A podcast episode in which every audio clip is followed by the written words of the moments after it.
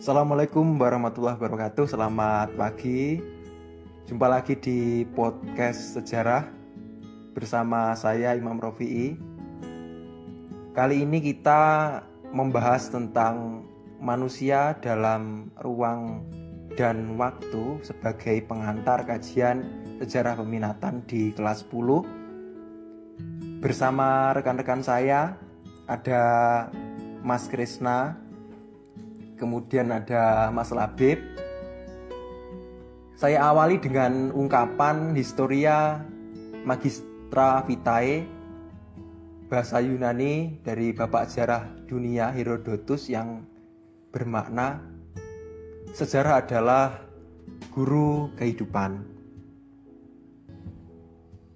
Pembahasan sejarah itu merupakan kajian tentang penggambaran kolektif manusia dari masa lampau beserta perkembangannya hingga masa kini. Jadi unsur-unsur pembentuk peristiwa sejarah ada tiga unsur pokok. Yang pertama adalah manusia, kemudian ruang dan waktu. Ketiga unsur tersebut membentuk peristiwa sejarah. Yang pertama kita membahas tentang manusia dalam sejarah. Manusia berkedudukan sebagai subjek dan objek sejarah. Sebagai subjek karena manusia yang menulis sejarah, kemudian sebagai objek sejarah membahas aktivitas manusia yang telah terjadi di masa lampau hingga masa kini. Yang kedua adalah aspek ruang, yaitu tempat terjadinya atau latar dari peristiwa sejarah itu terjadi. Bisa disebut juga sebagai aspek spasial. Berdasarkan ruang, sejarah dapat dibagi menjadi tiga, yaitu sejarah lokal dalam lingkup suatu daerah tertentu, kemudian sejarah nasional dalam lingkup satu negara, serta sejarah global atau seluruh dunia, meliputi berbagai tempat di seluruh dunia seperti Perang Dunia II. Kemudian yang ketiga, aspek waktu atau temporal. Jika ruang bisa dibatasi oleh suatu batas administratif misalnya antara Kota Blitar dengan Kabupaten Blitar, kemudian antara Provinsi Jawa Timur dengan Provinsi Jawa Tengah itu kan jelas batasnya. Untuk aspek temporal itu khusus ada tiga masa yaitu masa lalu, masa kini, dan masa depan yang terus berkesinambungan. Tidak dapat menghentikan waktu, tidak dapat mempaus waktu, jadi aspek waktu ini akan terus berkesinambungan. Konsep waktu dalam sejarah itu ada empat. Yang pertama perkembangan, kemudian kesinambungan, yang ketiga pengulangan, dan yang terakhir adalah perubahan. Tidak semua peristiwa yang terjadi di masa lalu dapat disebut sejarah. Ada syaratnya. Nah, apa saja? Yang pertama adalah peristiwa itu penting atau berpengaruh terutama bagi kehidupan suatu kelompok atau bangsa seperti peristiwa proklamasi kemerdekaan Indonesia yang memiliki arti sangat penting sebagai tonggak lahirnya Republik Indonesia. Kemudian yang kedua, Syarat yang kedua tadi adalah abadi, dikenang dan diperingati. Seperti peristiwa proklamasi tadi setiap tanggal 17 Agustus diperingati dengan berbagai lomba atau ketika masa pandemi sekarang ini diperingati upacara secara virtual. Dan yang ketiga, syarat disebut sebagai peristiwa adalah unik. Sekali terjadi, tidak berulang-ulang.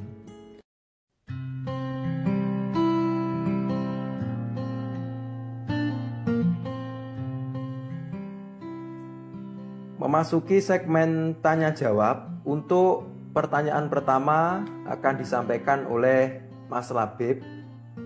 Silakan Mas Labib. Oke, terima kasih Pak Imam. Untuk pertanyaan dari saya, tolong berikan contoh peristiwa sejarah lokal, nasional, dan global. Terima kasih. Oke, pertanyaan sangat bagus.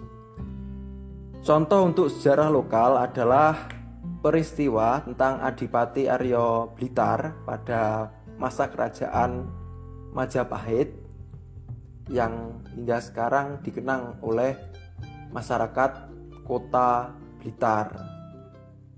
Itu merupakan contoh sejarah daerah atau sejarah lokal. Kemudian untuk sejarah nasional ada dua contoh. Yang pertama peristiwa proklamasi kemerdekaan Indonesia pada 17 Agustus 1945 yang merupakan tonggak kelahiran Republik Indonesia. Yang kedua adalah pemilihan umum pertama di Indonesia tahun 1955 itu contoh dari masa keemasan sejarah politik Indonesia yang terkenal sebagai pemilu paling demokratis di Indonesia. Yang ketiga, maksudnya yang sejarah global itu contohnya Perang Dunia Pertama, kemudian Perang Dunia Kedua yang mempengaruhi kehidupan di benua Eropa, Asia, Amerika hingga Afrika, Australia sehingga disebut sebagai sejarah global. Dapat juga ditambahkan perang dingin juga termasuk sebagai sejarah global. Untuk pertanyaan yang kedua akan disampaikan oleh Mas Krisna. Silakan Mas Krisna. Uh, baik, terima kasih Pak Imam untuk pertanyaan selanjutnya. Sebenarnya kita tadi kan udah bicara banyak banget tentang sejarah dan lain-lain, manusia dan sejarah dan lain-lain. Jadi uh, mungkin sekalian bisa Bapak simpulkan mengenai apa yang sudah kita pelajari pada hari ini. Jadi uh, secara garis besar itu manfaat dari sejarah itu bagaimana sih Pak? mohon untuk dijelaskan sekaligus uh, memberi kesimpulan untuk materi pada hari ini. Oke, terima kasih. Jadi manfaat sejarah untuk singkatnya itu adalah Historia Magistra Vitae atau sejarah sebagai guru kehidupan. Maksudnya apa? Ini saya beri beberapa gambaran. Yang pertama, belajar sejarah itu sebagai sumber inspirasi, misalnya inspirasi dari inovasi masyarakat, kemudian perjuangan tokoh bangsa, kemajuan budaya, perkembangan iptek di masa lampau. Seperti contohnya ketika pandemi abad ke-20 di Hindia Belanda itu kan orang Jawa di depannya ada gentong untuk cuci tangan dan sebagainya yang menginspirasi sekarang protokol kesehatan salah satunya harus cuci tangan sesering mungkin dengan menggunakan sabun. Nah, itu. Yang kedua, menguatkan rasa nasionalisme. Jadi nasionalisme itu perlu dirajut. Salah satunya dengan mempelajari sejarah perjuangan bangsa Indonesia. Bahwa bangsa Indonesia terdiri dari berbagai suku bangsa yang bergotong royong berjuang mengusir penjajah, memproklamasikan kemerdekaan Indonesia sebagai rumah bersama. Yang ketiga adalah membuka pandangan yang lebih luas tentang dunia ketika belajar sejarah dunia dari masa awal peradaban misalnya Mesir kuno, India kuno, Cina kuno hingga masa modern sekarang ini. Banyak pelajaran yang didapat. Kemudian yang keempat itu dapat menempa kemampuan berpikir kritis dan reflektif. Jadi belajar sejarah itu dapat menarik benang merah antara kejadian di masa lampau untuk membentuk kehidupan di masa kini dan merencanakan kehidupan di masa yang akan datang. Oke, terima kasih Mas Labib, Mas Krisna dalam podcast sejarah ini. Apabila ada kurangnya, mohon dimaafkan. Kita berjumpa lagi pada podcast sejarah minat berikutnya. Salam sehat